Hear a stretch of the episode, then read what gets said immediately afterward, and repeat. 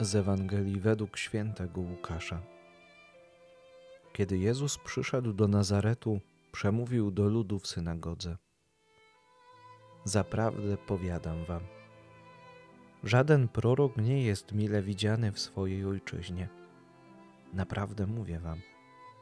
Wiele wdów było w Izraelu za czasów Eliasza, kiedy niebo pozostało zamknięte przez trzy lata i sześć miesięcy – Także wielki głód panował w całym kraju, a Eliasz do żadnej z nich nie został posłany, tylko do owej wdowy w Sarepcie Sydońskiej.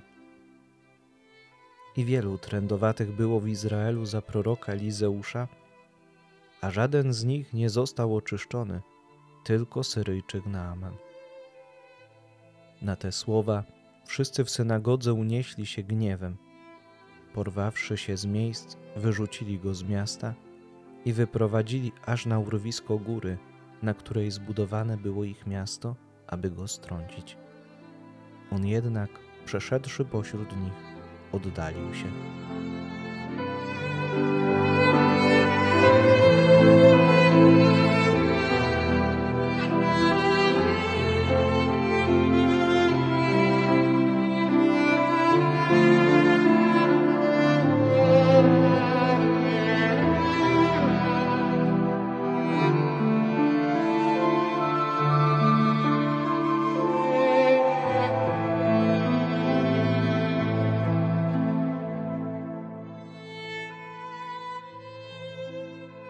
Jezus dawał zawsze pierwszeństwo ubogim, chorym i cierpiącym na różne dolegliwości.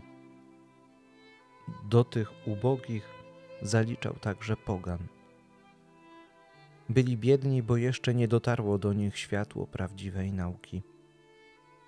Tutaj znajdujemy odpowiedź, dlaczego tak wiele czasu i serca poświęcał pogańskiemu miastu Kafarnaum. Oni wchodzili w dialog z Chrystusem, otwierali się na Jego słowo, a Jezus znajdował u nich wiarę.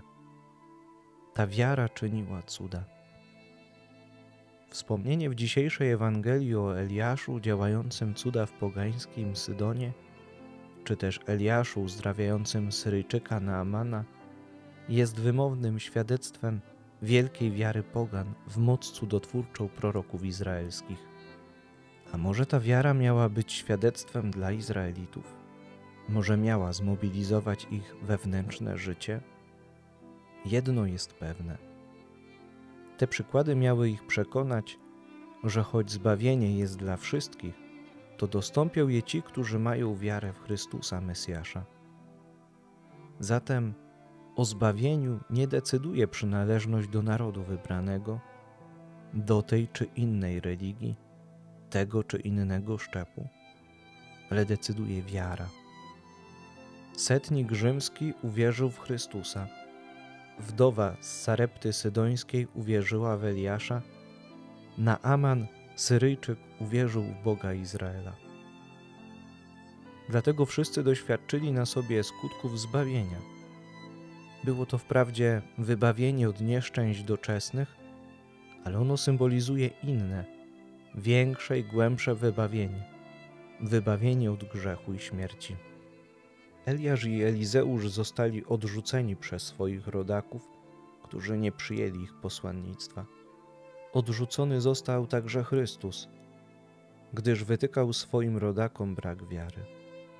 Zarówno Eliasz, Elizeusz, jak i Chrystus w odpowiedzi na odrzucenie przez swoich najbliższych zwrócili się do pogan.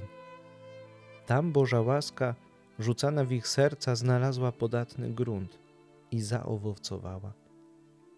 Jak ja dziś przyjmuję łaskę Chrystusa? Ona dociera do mnie przez Kościół. Czy myślę o tym, że być chrześcijaninem to znaczy przyjąć Jezusa Chrystusa i podobnie jak On rozdawać dobro, miłość, prawdę wszystkim potrzebującym? Dlaczego mieszkańcy Nazaretu nie przyjęli Chrystusa? Byli na niego zamknięci. Nie zobaczyli w nim Mesjasza, bo nie zgadzało się to z ich wyobrażeniami. Oni oczekiwali na kogoś majestatycznego, niezwykłego, wspaniałego, wprost królewskiego.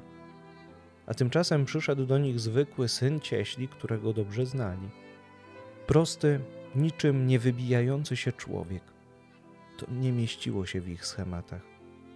Jak bardzo się pomylili. Nie zrozumieli, że Bóg nie zawsze objawia się wśród grzmotów. Czasami przybywa bardzo cicho, tak że jego przyjście jest praktycznie niezauważalne. Ale on przybywa i jest obecny.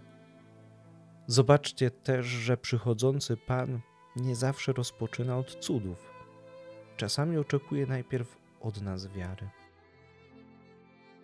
Uwierzyć w Chrystusa, Mesjasza, to znaczy uwierzyć w Niego jako naszego Zbawcę, uwierzyć w Jego obecność pod postacią chleba i wina w Bożym Słowie, uwierzyć, że On jest i zawsze będzie z nami obecny, żywy i prawdziwy.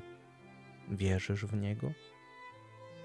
Czy ufasz Mu, że niesie dla Ciebie największą wartość, łaskę wiecznego zbawienia?